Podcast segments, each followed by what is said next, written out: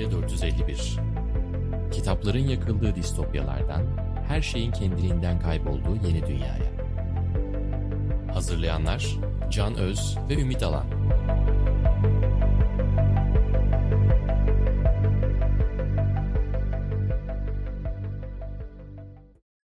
Merhaba, Yeni Medya 451'in yeni bölümüne hoş geldiniz. Bu bölümde yapay zekanın karşısında hukuk veya hukukun çaresizliğini konuşacağız. Ümit, sen bu konuda aslında bir hukukçu olmamana rağmen çok zamandır araştırıyorsun, yazıyorsun. Hatta Evet. bu konuyu da gündemimize getirdin. Ben de bir hukukçu olmamama rağmen tabii telif konusu üzerinden biraz gireceğim. Şeyi söyleyelim, yani bu yapay zeka aslında birkaç sene öncesine kadar hatta ve hatta chat GPT bir anda bomba gibi gündemimize girene kadar aslında ya bilim kurgu filmlerindeki bir belki bir olası gelecekti veyahut da dalga geçtiğimiz, alay ettiğimiz bir şeydi. Komikti, gülünçtü, sesi tuhaf çıkardı. Verdiği cevaplar aptalcaydı. İşte en gelişmişi önümüze çıkan Siri'ydi. Geri zekalı Siri derdik falan. Bir anda yapay zekanın gelişmesiyle beraber dünya bir paniğe kapıldı. Çünkü çok hızlı gelişmeye başladı ve biz bir taraftan işte yok e, istediğimiz görselleri yapabiliyoruz. İşte bilmem belki işte Barış Manço'nun kayak yaparkenki fotoğrafını da isteyebiliyorsun ve bunu da alabiliyorsun veya istediğin metni de yazdırabiliyorsun. Kadar kullanışlı bir hale geldi ve herkes heyecan veya korku içinde izliyor.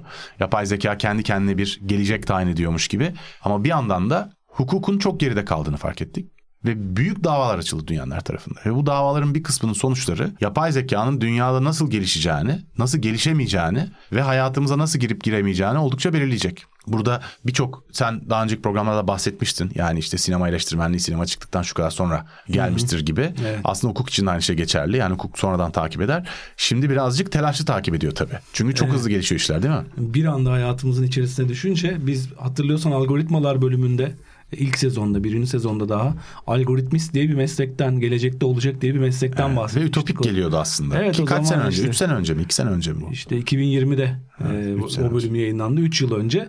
Şu an aslında bir algoritmistlik de tam bir meslek olmasa da ki var bunu yapanlar ama bilir kişileri falan.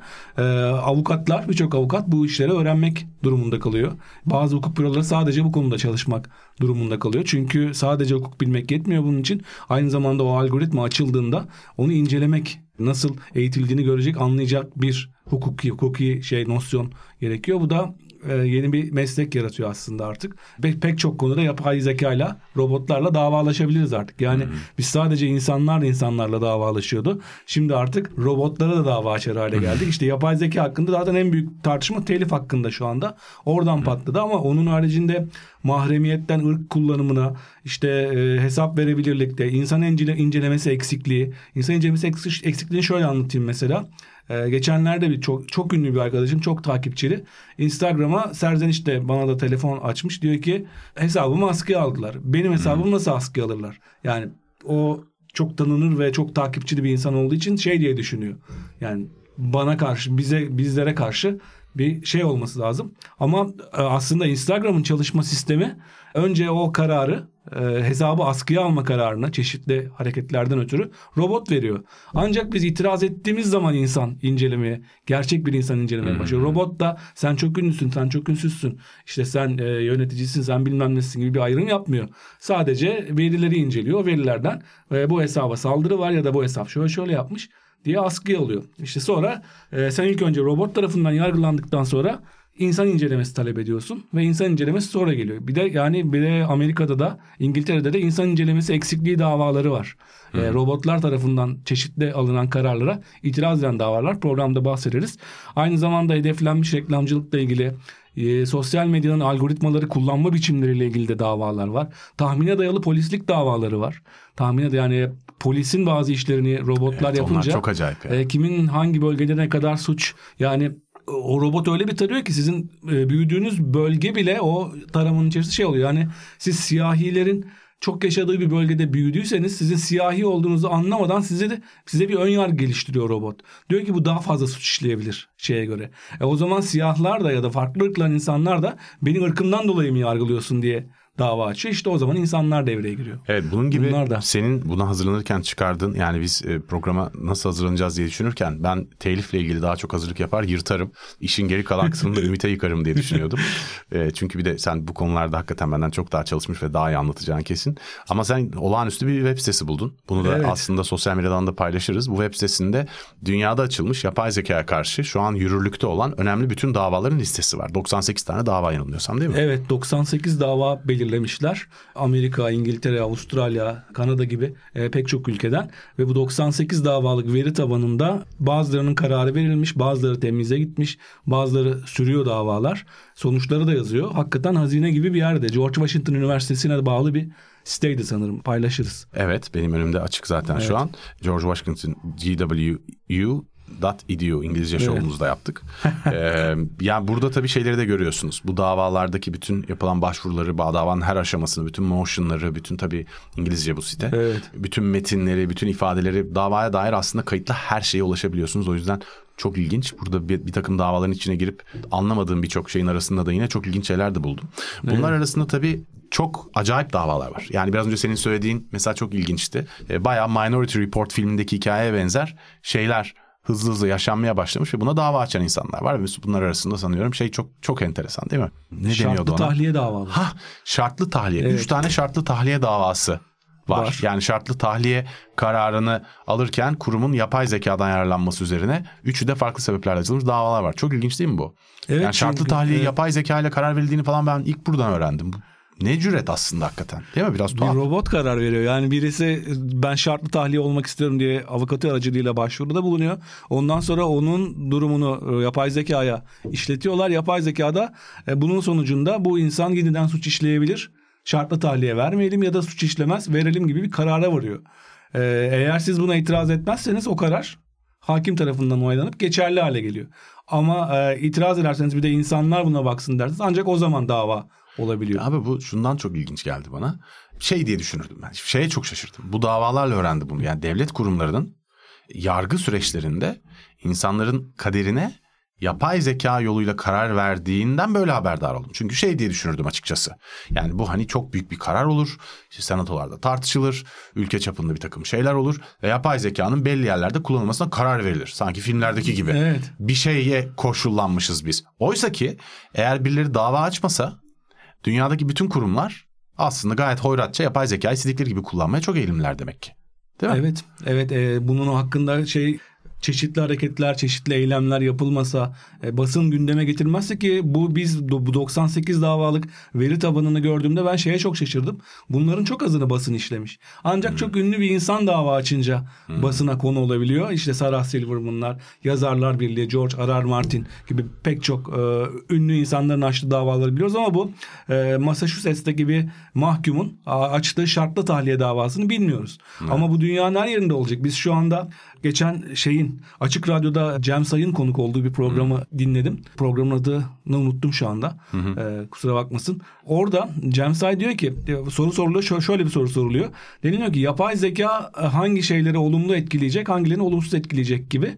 Diyor ki yapay zeka bir altyapıdır diyor Cem Say. Yapay zeka bir altyapı olduğu için elektrik gibi bir şeydir diyor. Elektrik şu anda hangi sektörleri etkiler diye bir şey söyleyebiliyor musunuz diyor. Yani elektrik şu anda bu stüdyoda olmamız, bu yayını yapmamız elektriğe bağlı. Her şey elektriğe bağlı. İşte yapay zeka da böyle olduğu için yarın bir gün gündelik hayatımızda bizim çok karşımıza çıkacak aslında. Bu şu anda biz bu yapay zeka dava savaşları deyince bilim kurgu gibi tınlıyor hakikaten. Yani kimseyi ilgilendirmez bu. Ee, Yani ancak çok nerdleri işte teknoloji milyarderlerini, şunları yazarları, sanatçıları ilgilendirir. Normal bir vatandaş olarak beni ilgilendirmez diye düşünüyorsun ama o kadar yaklaştı ki artık bankaya kredi başvurusunda bulunduğumda bankaya kredisinin verilip verilmediğine yine bir robot karar verecek. Veriyor da şu anda. Onunla da itiraz ediliyor. Ya da e, şey davaları var bu bizim ayırdığımız davalar içinde. Engelli hizmet alan engelliler engellilerin evlerine yardımcı gidiyor. Devlet bunu böyle bir şey yapmış ama bu yardımcıların gitme gün sayılarını ve saatlerini de robota devretmiş devlet. Amerika'da bir ha- hangi eyaletse artık o eyaletti. Ama bu robotun adil davranmadığına ilişkin davalar var. Tabii pardon robot Buradan- deyince bazen aklımıza metalik, şeyler. metalik fiziksel Evet. insan formunda bir şey geliyor ama aslında sadece bir yazılımdan bahsediyorsun değil mi robot Evet. derken? Yani biz neden yapay zeka deyince sadece böyle ayağa kalkmış yürüyen şeyleri yani robotları düşünüyoruz diye düşünüyorum. Hmm. Hayatımızda o kadar çok yapay zeka uygulaması var ki. Ee, bu da onlardan biri. Biz de çok yakında yani ya bu program beni ilgilendirmiyor diye bu programı dinlemeye başlayan, e, bu bir bilim kurgu öğesidir diye başlayan herkese şu konuda uyarmak isterim. Hepimize çok yakından ilgilendirmesi an meselesi. An meselesi. Peki ben bir şeye gireyim. Benim çok ilgimi çeken alan telif meselesi. Evet, Şimdi büyük telif, paralar. telif meselesi burada aslında çok belirleyici olacak. Yani belki biraz önce söylediğin bazı davalarda yani işte kişisel verilerin kullanımı gibi iddialarla açılan davalar veya senin daha önce anlattığın bize dışarıda bana dışarıda anlattığın birkaç tane dava da vardı. Belirleyici olacak çok daha fazla şey olabilir. Şimdi çok büyük konuşmayayım ama telif meselesi yapay zekanın yeni içerik üretme kapasitesini doğrudan ilgilendiriyor. Çünkü bu generative AI dediğimiz Türkçesi tam ne bilmiyorum bunun. Yani aslında bir makine öğrenme araçları ve yöntemleri sayesinde kendine yüklenen verilerden yola çıkarak yeni kurgulamalar yapabilen yapay zekalar. Bu- Üretken yapay zeka deniyor. Üretken yapay zeka deniyor. Yani bu işte bir metin yazmak da olabilir. Aynı ChatGPT'nin yaptığı gibi veyahut da bir görsel oluşturmak olabilir. Aynı Midjourney'nin yaptığı gibi veya ses oluşturmak. Herhangi bir medya, herhangi bir çıktıyı oluşturmak. Daha önce olmamış yeni bir eserin mucidi olmaktan bahsediyoruz yani. Şimdi burada tabii büyük bir dava var. Birkaç tane dava var ama bundan iki tanesi özellikle çok büyük. Bir tanesi bundan yaklaşık işte 8 ay kadar önce San Francisco'da Stable Diffusion'a açılan dava. Stable Diffusion aynı zamanda Stable Diffusion AI'yı bilmiyor olanlar mutlaka Evet. Midjourney'i bilecektir. Çünkü Midjourney de Stable Diffusion'ın altyapısını ve sistemini kullanıyor. Onunla beraber DeviantArt'ta da dava Evet. açılıyor. Üçünü aynı anda dava açan büyük bir dava açıldı. Bu davayı daha büyük yapan şey bunun bir class action lawsuit olması. Bunun Türkçesi nedir bilmiyorum ama bu şu demek. Siz kendi adınıza davayı açmıyorsunuz. Davanın olası tüm muhatapları adına açıyorsunuz. Bir telif davası açıldığı zaman da Stable Diffusion'a bu bir class action lawsuit'sa kullandığı bütün teliflerin sahipleri adına açılmış bir dava olarak bunu varsayabiliriz. Bu da şu demek. Yani eğer bir para cezası çıkarsa dünyada belki eşi görülmemiş bir para cezası çıkabilir. Evet. Çünkü dava konusu olan mevzu şu. İddia şu. Deniyor ki Stable Diffusion internetten topladığı bir takım görsellerle kendi sistemlerini antren edip yeni görseller oluşturmayı öğrendi. Bu aldığı görsellerin toplam sayısı 5.85 milyar. En Evet. azından dava açıldığı tarih itibariyle böyle. Dolayısıyla 5.85 milyar eserin aslında telif hakkı olduğu, bunları kullanan Stable Diffusion'un da telif ödemesi gerektiği ne dair bir dava bu. Evet onun fiyat olarak büyüklüğünü söyleyeyim mi? Ee, Nedir? En düşük ihtimalle en en, en en iyi ihtimalle 5 milyar dolar e, telif borcu olabileceği bu 5 davayla ilgili. hiçbir şey aslında. İşte en en iyi ihtimal ama bu art en, kararın en düşük seviyede t- çıkması halinde 5 milyar dolarmış. En yüksek olursa ne çıkar acaba? Onun sonu yok bence. Trilyon dolar Yani çıkabilir. neyi verdiğine bağlı. Ya abi 5.85 milyar kişinin hepsine en az birer dolar verirsen ne varıyor senin söylediğin. Evet. E, iki- birkaç dolar verirsen yandın. Yani tabii burada şimdi böyle bir Evet. şey spekülasyona girmeyeyim. Bunu bilemeyiz tabii ama burada Aha. bir de Amerikan yargısında verilen cezaların örnekleri var daha önce bu tür davaların. Yani o kadar büyük rakamlar çıkmıyor. Ama Evet. şeyi söyleyelim. Burada vurucu olan şey şu. Bu davayı incelerken şunu öğrendim. Stable Diffusion e, bu sistemi kullanırken şunu öngörmüş. Yani bu davanın açılabileceğini öngörmüş. Dolayısıyla aslında görsellerin hiçbirisinin olduğu gibi kullanmıyor. Ne yapıyorlar biliyor musun? Bak inanılmaz bir yöntem ya. Mesela alıyorlar diyelim ki senin fotoğrafını kullanacak tamam mı? Senin fotoğrafını alıyor. Senin fotoğrafına noise eklemek ne denir ona bilmiyorum. Yani yavaş yavaş daha görüntüyü boza boza boza boza Pürüz. boza boza pürüz ekleyerek görüntüyü katman katman boza boza boza boza boza boza aslında bir noktada hiç idrak edilemez bir hale getiriyor. Hı. Sonra o getirdiği hali kendi sistemlerini kullanarak tekrardan bir resme dönüştürüyor. Yani şey gibi düşün. Flu bir resmi yüksek çözünürlüğe dönüştürür gibi düşün. Resim bozduktan sonra tekrar Bozup yeniden yapıyor. ama Sıfırdan e, öncekini tamamen unutarak Evet. oradan yeni bir resme çeviriyor. Ve yeni resme çevirdiği zaman o çevirdiği resim önceki resmin aynısı olmuyor. Ve sistemlerini antrene ederken kullandığı bu ikinci çıktı.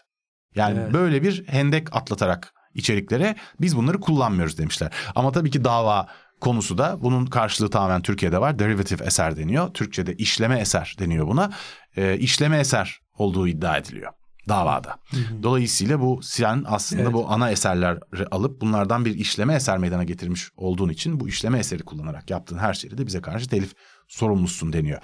Şimdi bu dava Sonucunda bir sürü şey çıkabilir. Çok büyük bir dava çünkü. Hatta bundan birkaç ay sonra İngiltere'de Getty'de Stable Diffusion'a benzer bir dava açtı. Kendi görsellerini kullandığı, telifsiz kullandığı iddiasıyla. Bunun gibi birçok da dava oldu aslında. Google'a da benzer davalar açıldı daha önce. Getty şöyle kanıtlar bulmuş. Kendi filigranı var ya bunun. Para ödemediğimizde bir Getty, Getty diye böyle Aynen. filigran yazıyor. Ee, bazı görsellerde onun parçalarını, onun bozulmuş hallerini görüyor Getty.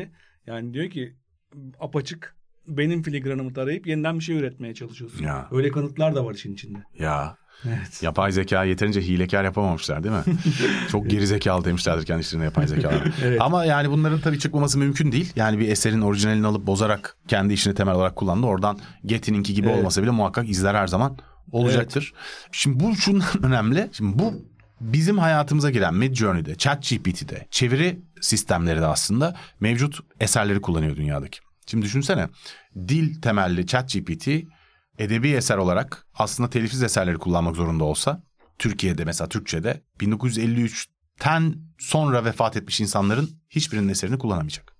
Evet. Yani ne ikinci yeni şairleri olacak burada ne 50 kuşağı yazarları olacak ne Yaşar Kemaller ne Nazım Hikmetler ne hiç kimse olmayacak. İşte araba sevdası falan olacak ki şey zannedilir araba sevdası işte ilk Türkçe yazılmış roman falan diye çok matah bir şey zannedilir. Korkunç bir roman. Ondan 30 sene önce falan İstanbul'da Türkçe dilinde yazılmış çok güzel kitaplar var. Çok güzel hikayeler var. Yani millet zannediyor ki hiç, hiç kimse hiçbir şey bilmiyordu ve delinin biri çıkıp böyle bir roman yazdı yokluktan ve ne kadar iyi.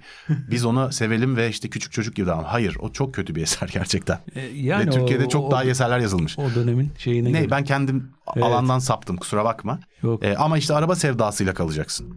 Türkçe alfabeyle ve Türkçe dilinde yazılmış eserlerde. E şimdi bu yapay zeka da geride kalacak. Yani resimlerde de öyle, müziklerde de öyle olduğunu düşünebiliyor musun? Sadece Evet. çok geçmişten bir takım nameler üretebilecek.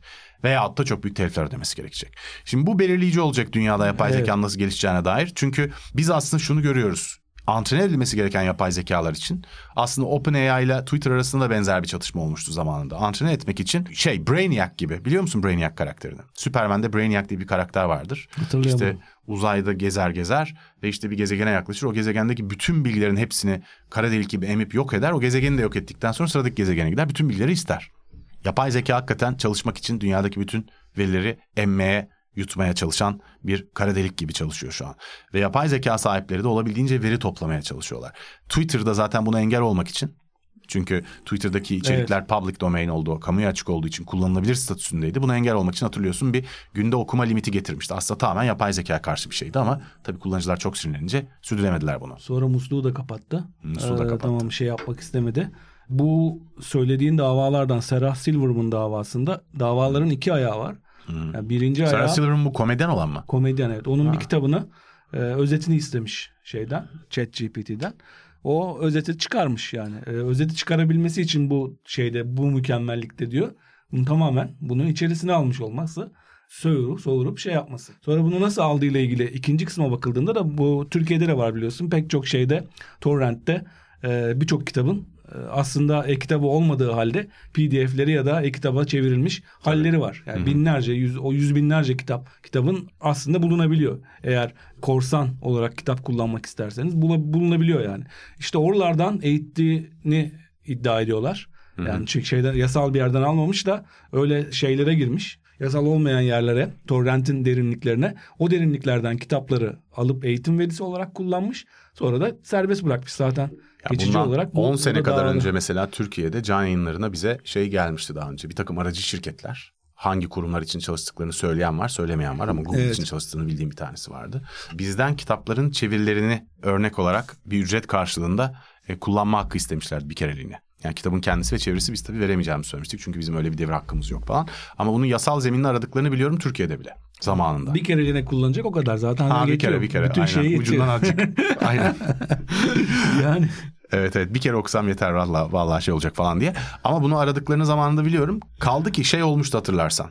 Şimdi bu generative AI davalarına örnek Evet. yani stable diffusion davasına örnek bu tür davalara karar vermek için genellikle mahkemeler emsal kararlara bakarlar. Evet. Tabii böyle bir yapay zeka davası daha önce bu büyüklükte olmadığı için ne kadar emsal kararlara bakılacak ben şimdi kendim söylemeyeyim hukukçuların söylediklerini söylüyorum bilinmiyor. Ancak örnek mesela bir önemli dava var. Ee, ABD'de telif yasasında fair use diye bir e, kullanım istisnası var. Fair use sen elde ettiğin, e, aldığın eseri o eserin asli ticari çıkarlarını olumsuz etkilemeyecek şekilde. Adil kullanım diyorlar Türkçe'de. Adil kullanım bravo Evet. abi cehaletim tekrar başlasın dinleyiciler Evet. doğru. Adil kullanım yasası sayesinde sen eğer eseri alıp o eserden yepyeni bir olanak, buluş, fırsat veya fikir yaratabiliyorsan son kullanıcıya Evet. ve eserin aslının ticari alanına zarar vermeden bunu yapabiliyorsan bu aslında bir adil kullanım kapsamında telifsiz kullanım hakkı sağlayabiliyor. Evet. Şimdi buradaki tartışma da bunun üzerine kurulu. Stable Diffusion tarafı bunun adil kullanım olduğunu iddia ediyor. Diğer tarafta bunun adil kullanım değil tam bir copyright te- telif ihlali olduğunu iddia ediyor. Emsal dava diyordum bak burada Google'a açılan dava var daha önce. Sen bunu biliyorsun Evet. çok iyi. Google'a açılan davada hatırlıyorsun Google bir dönem kitapların içinde arama yapma Google Books. Google Şeyde- Books. Google Evet. Books şunu getirmişti. Bir anda aslında Google'da arama yaptığında o kitabın içindeki bir sözcükten de kitabı tespit edebiliyordun. Hatta Evet. sana o sayfayı ve o cümleyi de gösterebiliyordu Google. Bunu yapmak için dünyadaki bütün kitapların bütün sayfalarını tarayıp içeriye koymuşlardı ve büyük bir dava açıldı Google'a. Bu bir telif ihlalidir diye. Mahkeme bunun bir telif ihlali olmadığını, bunun adil kullanım olduğunu Evet. söyledi. Google'ın bundan bir ticari kazanç elde etmediğini vardı ve eserlerin asıl sahiplerinin ticari kazançlarını da helal getirmediğini söyledi. Evet. Şimdi bu şundan önemli çünkü Google dünyanın belki en ticari şirketlerinden bir tanesi olmasına rağmen adil kullanımdan yırttı. Evet. Şimdi bu davalarda, bu generative AI davalarında eğer önümüzdeki bir sene, birkaç sene içinde sonuçlanacak bu önemli davalarda bundan sonraki bütün davalara emsal teşkil edecek kararlar çıkacak. Eğer adil kullanım kararı çıkarsa Bu işin önünü alamayız. yani bu bu iş sonsuz hiç bu, bu, bu geri alınabilecek bir karar değil evet. Evet. o emsal karar olacağı için aslında dünyanın telifle ilgili pozisyonu baştan sona tekrar tayin edilebilir. Yani bu Çok stable- büyük olay yani. Çok acayip sonuçları olacak. Stable Diffusion'da söylediğin dava mesela e, tespit edilen bugüne kadar 2.3 milyar görüntü kullanılmış eğitmek için 12 milyonu şu anda davaya konu olabilen 12 milyon ya analiz edilen o kadar şeyse 2.3 milyar onun arkasında yani bu dediğim para bile bundan çıkıyor aslında 2.3 milyarın 12 milyonundan çıkıyor. Benim ulaştığım veri Stable Diffusion'ın kullandığı toplam 5.85 milyar farklı görsel olduğuna dairdi ama belki yanlış Evet. bildiğiniz bir Belki tanesi. benimki 30 Ağustos 2022 tarihli. Belki o arada bir senede içerisinde Ee, şey ya- mi? yakın birkaç ay Evet. sonra benimki de. Benimki bundan bir, evet, bir süre sonra. İki farklı Ee, kaynak 30 Ağustos'tan olmuş, evet. çıktığı tarih. e, Evet. Senin söylediğin benim söylediğim bundan bir süre sonra çıkan tarih olabilir. İkincisi daha doğru olabilir bence. Toplam 240 terabaytlık veri abi. Çektikleri, büyük. kullandıkları veri yani. Yani bunlardan çıkacak sonuçlar da bir de bunun bir de şimdi iki yönü var. Ben reklam ajansında çalıştığım için şunu da görüyorum. Yapay zeka ile pek çok görsel üretiyoruz. Yaptığımız çalışmalar için. Ve bu görselleri üretirken de inanılmaz bir emek veriliyor aslında. Tamam tam sıfırdan çizilmiyor ya da sıfırdan fotoğraf oluşturulmuyor ama bir fotoğrafı elde etmek için bazen 10-15 gün denemeler yapılıyor. Yani onu yüklüyor, bunu soruyor, onu alıyor. Bir sürü deneme yapılıyor. En sonunda bir yere ulaşılıyor.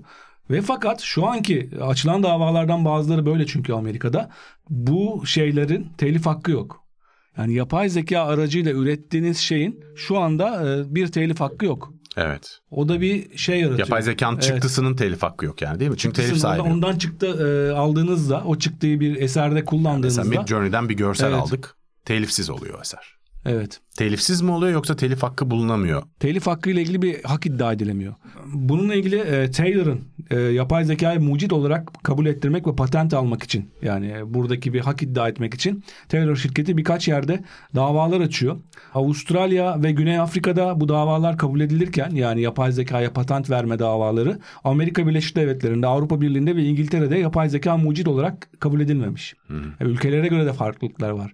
Yani ya, yapay zeka ile benim bir icat yaptırdığımda bir şirketimin aracılığıyla onun patentini almakla karşı karşıya kaldığımda bu şu anda bir soru işareti. Olağanüstü bir hukuki boşluk, herhangi bir büyük bir boşluk var. Ee, Afrika'da ya da e, Avustralya'da kabul edilebilir ama Avrupa'da, Amerika'da kabul edilmeyebilir. Ve eğer böyle bir e, şey söz konusuysa bu telifin public domain olması mümkün olacak mı? Çünkü Evet. normalde bir telif eseri ortaya çıkaran vefatından 70 sene sonra kamuya açılır o telif eser. Bunu bir yapay zeka Hmm. Evet. yaptıysa e, ne olacak? Çok enteresan. Açık Şimdi- kaynak kabul edilip edilmeme tartışması var. Açık kaynak kabul, kabul edilmeme tartışması zaten en büyük Evet. kaynaklar, en büyük tartışmalardan bir tanesi. Bu telifle ilgili son bir şey eklemek istiyorum Ümit. Evet. Ee, o tarafa gelmeden. Şu beni dehşete düşürüyor. E, bu davalarda eğer adil kullanım karar verilirse ve yapay zekalar aslında internette gördükleri, duydukları, okudukları her şeyle kendilerini antrene etme hakkına sahip olurlarsa abi eser ortaya çıkarmanın neredeyse hiçbir anlamı kalmayacak. Çünkü mesela şöyle düşün. Sen bir yayıncısın. Şunu diyebileceksin. Diyelim ki Ben sana dosyamı getirdim. Evet. Sen ben diyorum ki ben şu kadar para istiyorum bunun için. Sen aldın bu dosyayı. Hı hı. Yükledin ChatGPT'ye kimseye çaktırmadan. Ve dedin ki bu dosyadaki metindeki fikirleri alıp kimsenin anlamayacağı şekilde değiştirip artık buna göre prompt yazılıyordur, yazılabilir eminim. Şu yazarın, şu çok çok satan yazarın fikirlerinden de birazcık içine atıp şu karakterin cinsiyetini de değiştirip hikayenin bilmem nesini de değiştirip bana tekrar birkaç tane farklı senaryo, farklı örnek yazar mısın? Aldın, iyi çıktı, kötü çıktı önemli değil. Onu yayınlayabilirsin pekala. Çünkü bu sistem dünyadaki bütün aktif eserleri doğrudan okuyup kullanabildiği için aslında herhangi bir şey üretme kapasitesine sahip bir eser olacak. Yani yapay zekanın bu kadar bizle aynı anda real time yaptığımız her şeyi bilip bunu tekrar üretebilmesi fikri beni dehşete düşürüyor. İş Evet. kaybedilecek falan diye değil. Yani eserin sahibi yapay zeka mı insan bu ayrım tamamen kaybolacağı için. Aynı şey ses için de geçerli. Aynı şey her türlü üretim için de geçerli. için. Resim için de geçerli. Yani insan varlığı için Hollywood grev vardı ya Hollywood'da. Ee, Ya hiç ihtiyaç kalmayacak yıllarda. insana. E, figüranın Aslında. e, figüranı Ve- bir kere çekiyorsun. Hmm. Sonra sonsuz çoğaltabilirsin o figüranı. Evet yani burada Evet. tabii şimdi şeyin bir sonu yok. Yani burada teknolojinin önünde durup insanların işlerini koruyalım başka bir tartışma konusu. Onu kastetmiyorum ben. Ama Yeni eser İnsan şey. üretimiyle yapay zeka üretiminin hiçbir şekilde ayrılamadığı bir dünya çok korkutucu. Şimdi bu şey için de geçerli. Edebiyat için de geçerli. Resim için de geçerli. Aslında birçok alan için de geçerli. Şimdi tabii bundan birkaç ay önce yine 3-4 ay önce ABD'de bir karar verildi. GitHub'a açılan iki tane kod, Coder'ın Evet, açtığı bir dava dava, var. evet, Ve onu. bu davada müspet e, karar çıkardı mahkeme. Yani aslında coder'ların iddiası şuydu. Bizim kodumuzu aslında alıp GitHub bir generative kod sistemi yazdı ve bu bir telif ihla- ihlaldir diye mahkeme e, davacıların lehine karar verdi. Adil kullanım kararı vermedi. Evet. Bu benim bulabildiğim ilk bu konuda verilmiş önemli karar. Bilmiyorum sen bu tür başka karar bulabildin mi? Bu tür başka bir karar görmedim açıkçası. Çoğu sonuçlanmadı çünkü. Adil kullanım kararı Temize- çıkar diyordum kopuyorum açıkçası yani herhangi bir yerde. Çıktığı anda zaten önüne almanın şeyi yok. Yolu yok evet o kararı geri almam mümkün değil Evet. artık. Şu an OpenAI e, yeni bir e, şeyde şöyle bir önlem koymaya çalışıyormuş. Yeni versiyonunda. Mesela Yaşar Kemal tarzı eser, bana Yaşar Kemal tarzı eser üret diye sorduğunuzda yanıt vermeyecek şekilde. Yaşar Kemal'i örnek olarak verdim. Her şunun tarzında eser üretebilir misin dediğinde ChatGPT ya da herhangi bir üretken yapay zeka aracı onların yaptığı diyecek ki hayır bunu yapamayız. Çünkü onun şeyi var, telif hakkı var. Onun tarzında eser üretemem deme. Öyle önlemler yani geçici şeyler ama Bizim- bunu insanlar bunu aşmanın yolunu bizim bulur. ChatGPT ile ilgili çektiğimiz ilk bölümde hatırlıyorsun. Evet. Yani ChatGPT'nin yapmasını istemediğin şeyleri Birkaç soruda aşabilecek kadar zeki insanlar istedikleri her şeyi ChatGPT'ye Evet. yaptırabiliyorlar. ChatGPT'nin o kapasitesi varsa yaptırıyorsun. yani. Bu arada hep ChatGPT üzerinden konuşuyoruz da Bard'ı da kullanıyorum ben bu sıra. Ee, sık sık Bard çok daha doğru veriyor. şey mi? e, yani daha az hata yapıyor. Şey uydurma konusunda Bard e, daha az uyduruyor. Görebildiğim kadar. Tabii benim verdiğim e, kısıtlı bir örnek. Bu çok şey bir örnek değil de Bard'ı daha fazla kullanmaya başladım o yüzden. Abi ben Hatası az olduğu e, için. bir dahaki podcast bölümü için belki konu Evet. uygunsa bir dahaki olmayabilir Evet. ama şey yapmaya çalışacağım. Şimdi ben podcast hazırlanırken e, bir alay video izliyorum, bir alay makale okuyorum. Hepsinden küçük notlar çıkarıyorum ve Evet. o notlardan programda anlatılabilecek hem lezzetli tatlı bilgiler toplamaya çalışıyorum hem de izleyicilerin anlayabileceği şekilde onları bir derleyip toplamaya çalışıyorum. Şimdi bu bayağı bir yani saatler sürüyor falan filan. Şunu yapmayı deneyeceğim. Tabii ilk seferinde başarılı olmaz ama eğer yapabilirsem Evet. söyleyeceğim burada kullanıcı izleyicilere de, e, dinleyicilere de. Şu videoları izle, şu makaleleri oku ve buralardan bana programda kullanmak üzere aslında benim çıkaracağım notlara benzer notlar çıkarmasını sağlayacak promptlar yazmaya çalışacağım. Eğer yapabilirsem abi çok fazla daha bölüm çekebiliriz çok rahatlıkla. Evet. Çok Bakalım olacak mı yani? Çünkü geçenlerde burada bize e, sevgili Can yapay zeka konusunda uzmanlığı olan ve yapay zeka araçları kullanan bir arkadaş geldi ve bize e, video üretiminde işte programa hazırlıkta YouTube verilerinin analizinde falan yapay Evet. zekada kullanabileceğimiz bütün araçlarla ilgili geniş bir sunum yaptı. Çok heyecan verici bir şeydi hakikaten.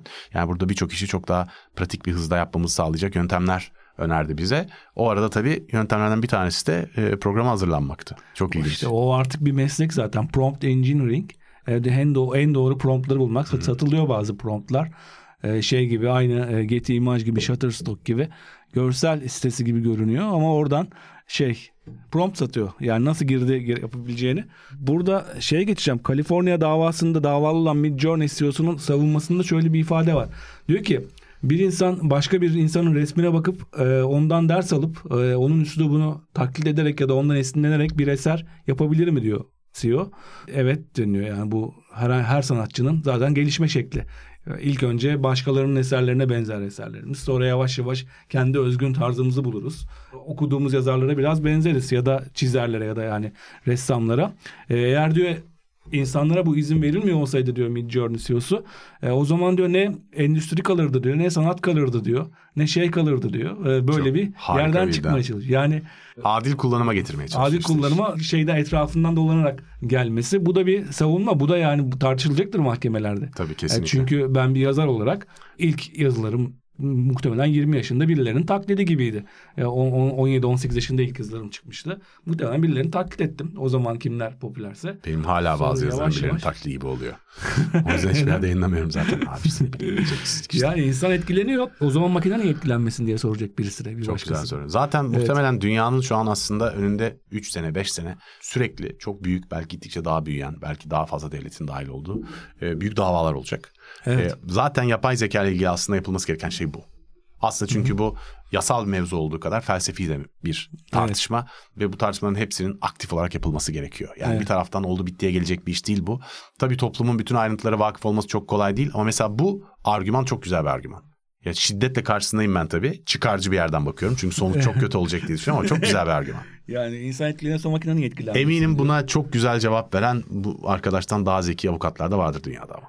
Çok büyük savaşlar var tabii. Yargı savaşları. Burada Evet. dediğim gibi o site artık ben şey yaptım o siteyi. Bookmark yaptım. Evet, Veri evet. tabanı. Davaları çünkü seyirlerini de söylüyor. Temize temize gitti. Temizden şu başvuru geldi. Reddedildi. Orada kabul edildi. Yeni dava şeyler. geldiğinde de hemen yukarıya Hemen ekliyor zaten. yüklüyoruz. Çok acayip. Siz de yükleyebilirsiniz. Yani önerebilirsiniz bize diye oraya şey de açmışlar. Bence Yani Türkiye'de bir yapay zeka davası açıldı diyelim. Ben oraya onlara önerirsem onu da girmeyi vaat ediyorlar. Bu site herkese tavsiye. Evet yani bu şimdi Evet.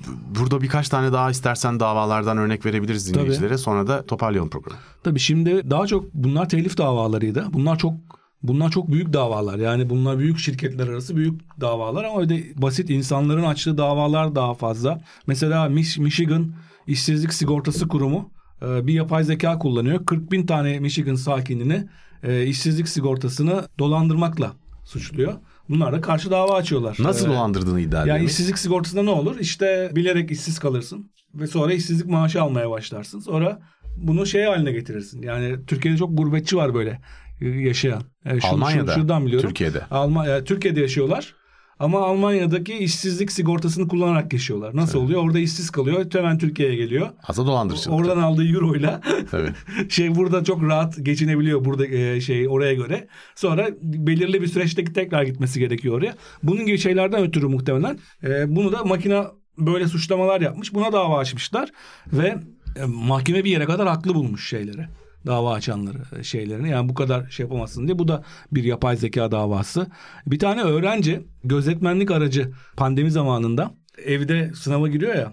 O, o evini tarayan bir şey var orada. Bir makine tarıyor ve sanırım orada onun e, kopya çektiğiyle ilgili bir şey olmuş. O da karşı dava açmış. Demiş ki bu benim mahremiyet hakkımı ihlaldir. Bu yapay zekanın yaptığı. Oradan da mahkeme biraz öğrenciyi haklı bulmuş. Sonuçta evinde arama yapmak gibi bir şey. Evine Tabii. görüntü almak gibi. Ben hep şu aklıma gelirdi. Şimdi bir otonom aracım var benim. Şu anda ta- daha trafikte yoklar da. E, otonom araçla kaza yaptım. Başkasına çarptım. Ve kabahatli, kabahatli bulundum. Ben mi suçluyum? Otonom aracı üreten mi suçlu diye. Böyle bir şey var. Gene- Böyle bir dava açılmış mı? Açılmış. General Motors sürücüsüz bir otomobille çarpışan motosikletçiyle uzlaşmış. Yani General Motors'a dava açmışlar. Motosiklete Kazadan General diye. Motor sorumlu olmuş. E, o sorumlu olmuş. Abi de bütün- test yapıyordu. Onu da bilmiyorum yani şeyini. Tabii. Çünkü kullanılan bildiğim şeyde olay Hayır yok. ama bu kaza sigortalarının bütün yapısını değiştirir tabii. Hep şeye gider yani. e, Tabii. Ya sigorta yapmam abi bana ne? Tesla'nın Sonra otopilotu bilsem. ile ilgili de zaten va- e, vaat ettiğini yapmadığı ile ilgili davalar var. Evet. Tesla'nın da bir otopilot özelliği var ya Tesla Evet, aynen. araçlarının. Onunla ilgili davalar var. Ee, öğretmenlerle ilgili Houston Öğretmenler Federasyonu bir dava açmış. Öğretmenlerin decellenmelerini yanlış hesapladı diye algoritmaya, yapay zekaya ve bunu e, yasal süreçlere itirazı kabul etmiş şey mahkeme. Öğretmen öğrencilerin notlarını yapay zeka mı verdirmiş? Yok yok öğretmenleri de, de notlandırıyor ya. Hmm. Öğretmenler ona göre sonra e, tayin ediyor, terfi Aslında ettiriyor başarı falan. puanlaması gibi bir şey. E, Evet onu onunla ilgili bir dava var. Ee, yine New York'un Nassau diye bir eyaleti var. Bir Evet. Japon ismi gibi duruyor ama şey aslında New York'ta. Ee, orada emlak vergisi yeniden değerlendirme algoritmasına dava açmışlar ve uzlaşmaya gitmiş olay. Yani mahkeme biraz şeyi bulmuş. e, itiraz edenleri de haklı bulmuş. Uzlaştırmış şeyleri. Emlak vergisi şeyle. En- engelli hizmetlerini söylemiştim. Bir de iki şempanze için hayvanseverlerin açtığı bir dava var. Yapay zeka bu davaların Nasıl? içinde. E, şimdi iki tane şempanze var. Biri Herkül, biri Leo. E, bunlar Stony Brook Üniversitesi tarafından transfer ediliyorlar ve sonra yapay zeka ile ilgili çalışmalarda inceleniyor insana en benzeyen şey olduğu için. E, sonra buna işte bunların la ilgili bir dava açılıyor. E, Geri gönderin işte onları orada e, mahkum, Hayvan hakları üstünden Evet, mahkum ediyorsunuz falan gibi. Sonra sonuçta 2015 yılında savunmalar yapılıyor ve hayvanlar geri alınıyor. Ama bir süre inceleniyorlar hayvanlar. Hayvanları da işin içine giriyor yani. Anladım. yapay zeka Bunun da aslında var. yapay zeka bilgisi yokmuş ama sonuçta değil mi? Ama, Yapay ama onun için kullandığı için Stony Evet, Brook. Onu anladım. da o veri tabanına Ha, koymuşlar. bu iş için hayvan kullanmaya Evet. engelleyen bir şey olabilir Evet. aslında doğru söylüyorsun. Çok ilginç davalar ya. Yani Evet. önümüzdeki yıllar şimdiye kadar aklımıza gelmemiş çok daha ilginç davalar çıkacaktır muhtemelen. Bu veri tabanını daha dikkatli inceleyince daha da enteresan davalara gidebiliriz aslında. Yani bir Zamanla. süre sonra belki yapay zekaya açılan saçma davalar, ilginç davalar toplandıkça veyahut da bu büyük davalardan bir tanesine daha önemli sonuç çıktığında tekrar bölüm çekeriz zaten. Çünkü e, bir, bir iki tane bu dava belli ki hakikaten insanlığın kaderini değiştirecek. Evet ve bizde de yakında bu davalar başlayacak. Türkiye'de henüz Evet yok ama. tabii Türkiye'de davalar ve Evet. mah- mahkeme süreçleri tabii biraz daha enteresan işliyor. O yüzden yani yapay zekaya daha mı çok güvensem bilemiyorum Türkiye'de. Acaba burada robotlar mı? Kimin kitabında? Hello World diye bir kitap var yapay zeka Hmm. üzerine yine. Orada yine yazarını şu an bir anda aklıma gelmedi. Benim de aynı. Ee, orada çeşitli ihtimaller üzerine yani yargıda nasıl kullanılabileceği üzerine bir sürü senaryo olası senaryolar incelenmişti. E, hakimleri şey yapıyorlar mesela Amerika'da 49 hakimin 49'un çok- Hannah Fry. Ha, Hannah Fry evet. Ee, bir- büyük bir kısmı farklı bir karar veriyor aynı delil setine karşı. Yani yargıçlar aslında bir şeyde uzlaşamıyorlar. Bir, belli bir kararda. Bu da robotlar mı acaba daha adil olur sorusunu gündeme getiriyor. Hele ki Türkiye gibi ülkelerde. Evet yani Türkiye'de zaten muhakkak en kötü kararları veren robot bile muhtemelen Türkiye'deki genel olarak süreçten daha adil olur ama Türkiye burada ölçü değil abi. Yani burada zaten Evet. Türkiye'de alınacak kararların dünyada o kadar büyük bir indikasyonu olmayacaktır. Burada özellikle Evet. Avrupa Birliği ve ABD'de alınacak kararlar çok belirleyici olacak. Buna mukabil bu kararlar ABD ve Avrupa'da yapay zekanın gelişimine sekte vurursa eğer aynı zamanda bu Çin'deki yapay zeka gelişmesinin önünü açıp Çin'in aslında bir açıdan teknolojik olarak bütün geri kalan uygarlığın önüne geçmesi anlamına da gelebilir. Yani bunların Evet. hepsinin çok belirleyici sonuçları var. Çok riskli de sonuçları var. O yüzden hani buradan ben işte bundan korkuyorum ediyorum falan gibi şeyler söylüyorum. Bunları lütfen çok ciddiye almayın. Ama burada ciddiye alınacak olan bir tane şey var. Bu hakikaten dediğim gibi dünyanın kaderi belirleniyor şu an. Evet. Ve dediği Cem Sayın alıntısını tekrar hatırlayacaksak elektrik nasıl bir altyapı teknolojisi ise yani elektrik bugün dünyamızı belirleyen bir teknoloji ise yapay zekanın da her sektörle her işle ilgisi olacak. Evet. Ee, o yüzden benim mesleğimi ilgilendirmiyor. Seninkini ilgilendiriyor. Onu daha çok ilgilendiriyor. Bunu daha çok az ilgilendiriyor gibi bir Yok, yok, evet. seçim lüksümüz kalmayacak. Yok ileride. bir de şey gibi argümanlar var ya. Mesela Stable, Diffusion için. Abi bu ücretsiz bir kullanım zaten kar amaçlı değil. Dolayısıyla hani telif davası açılamaz falan. Halbuki böyle aptalca şeyler tabii söyleyen insanlar var. Gördüm. Yazmış insanlar Bu çünkü. ücretli kullanımı da var. E, var ama Çok ücretsiz kullanımı sonra, evet. yapılacak. Bundan sonraki diğer yapay zekalar için de böyle bir argüman çok sıklıkla geliştirebilir ki şey Mid Journey içinde kullanılmış çok ücretsiz kullanılabildiği için. Böyle bir konu yok. Yani telif davası kişinin e, para kazanıp kazanmaması ile ilgili değildir. Telif bir haktır ve o hakkı başkası siz istemeden hiçbir zaman kullanamaz. Bu çok basit net bir ayrımdır yani. Dolayısıyla zaten telif dünyasında hukuki düzlemde zaten hiçbir zaman böyle bir argümanın karşılığı olmayacak. Bunu söylemeye çalışan insanların bütün argümanlarının üstüne anında sifonu çekebilirsiniz dolayısıyla. Peki Ümit bu çok bir taraftan heyecan verici bir taraftan korkutucu bölümü top, sonlandırıyoruz artık. Senin eklemek istediğin bir şey var mı son? Evet. Bunlar arasında bir de şeyi incelememiz lazım. Ee, algoritmalı, sosyal medya algoritmaları da aslında birer yapay zeka davasıdır. Paris'teki e, Paris saldırısıyla ilgili davayı söylemeyi unutmuştum. Onu da hatırlatmış Ha, doğru. olayım. E, 2015'teki Paris'teki IŞİD saldırısından sonra orada hayatını kaybeden bir gencin ailesi, Noemi Gonzalez'in ailesi Google ve YouTube'a IŞİD'in yaygınlaşmasını algoritmaları aracılığıyla sağladığı için bir yapay zeka davası açtı. Yani Google diyor ki onu öneren bir e, şey var, sistem var. Ama o sistem de aslında bir yapay zeka ve şiddetle ilgili videoları insanların önüne bu YouTube'un, IŞİD'in görüşlerini yaymak için e, orada e, Google'ın sorumluluğu da bir tartışma konusu. Bu Amerika'da bu davanın adı daha önce izlemiştik. E, bu yasanın adı bölüm 230, kısım 230 davasıdır bunlar. Yani platformlar algoritmaların önerdiklerinden sorumlu mudur? Değil midir? Ya da platformlar insanların içeriklerinden sorumlu mudur kısmı. E, bunu senin da bir yapay zeka. E, Yani ben artık yayıncı olduklarını düşünüyorum. E, Ben artık e, Elon Musk'la Türkiye'deki bir haber yayıncısının rakip olduğunu düşünüyorum. Yani Senin senin de rakibin mesela bir Sokrates gibi bir yapının e, kurucusu olarak e, aslında Elon Musk sen şu anda gördüğün şeyde onu platform olarak kullanıyorsun. Yani içeriğini orada link olarak koyuyorsun, içeriğini tanıtıyorsun. Ama artık o e, işte son link uygulamasında da yaptığı gibi o artık seni rakip olarak görmeye başladı. Öyle. O yüzden Herkes yayıncı. yani Evet. tabii ki Sokrates'i henüz rakip olarak gördüğü, görüp görmediğinden emin değilim ama kavramsal olarak gayet dediğin gibi gelişiyor. Evet. Bunu zaten önceki bölümde birazcık Elon Musk bölümünde de konuşmuştuk. Elon Musk'u tekrar girmeden bir bölümü daha bitiremedik Allah kahretmesin. Elon Musk dememiş, demeden bir haftamız geçmiyor. Ben iki yazıda Yani bir gerçekten şuraya bir tane oraya. şey koyacağım. Ee, counter koyacağım bir tane geri sayaç koyacağım. Ya Elon Musk demeden geçen bir saat falan diye o sıfırlanacak sürekli. O zaman kapatıyorum deyip duruyorum ama sana bitir Yo. demek istemiyorum. Senin söylemek istediğin bir şeyler artık, varsa lütfen artık devam et. bitirebiliriz. Bu yapay zeka ve yargı konusuna tekrar tekrar döneceğimiz gibi bir ihtimal görünüyor şu anda. Evet muhakkak bir kere zaten dünyayı değiştiren, etkileyen önemli bir karar verilirse burada onunla ilgili hemen bir bölüm çekeriz. Sevgili dinleyiciler bu arada yeni sezon ikinci bölümünü çektik ama ilk bölümden sonra hakikaten güzel de bir ara vermiştik. Ve dünyada podcast'in İngilizce dili dışında aslında yükselişinin sekteye uğradığı bir dönemdeyiz. İlginç bir şekilde bu büyük oranda Spotify'ın sorumlu olduğu, e, Spotify'ın direkt fiilen yaptığı bir şey aslında. Neden yaptıklarını bilmiyorum. E, bunu ayrı bir bölümde konuşuruz aslında podcast ile ilgili bölüm de yapmak lazım. Ama böyle bir duruma rağmen bana epey güzel reaksiyonlar geldi. İlk bölümde sessiz sessiz çıkmamıza rağmen hatta tanıtımı birazcık unutup geç çıktığımıza çıkmış olmamıza rağmen epey güzel reaksiyonlar aldım dinleyicilerden. Dolayısıyla yani biz dinliyor olduğunuzu bilmek e, bize her zaman enerji veriyor. Size de ayrıca teşekkürler. Bunu totem yapalım o zaman. Birkaç, Nasıl totem yapacağız? Birkaç gün sonra tanıtalım koyduktan sonra. Olur ya bu bir gelenek olabilir. Olur mu abi böyle şey? Güncel bir konuysa ne yapacağız sonra? Neyse abi biz yine zamanda tanıtalım duyuralım. İçerikleri o ayrı.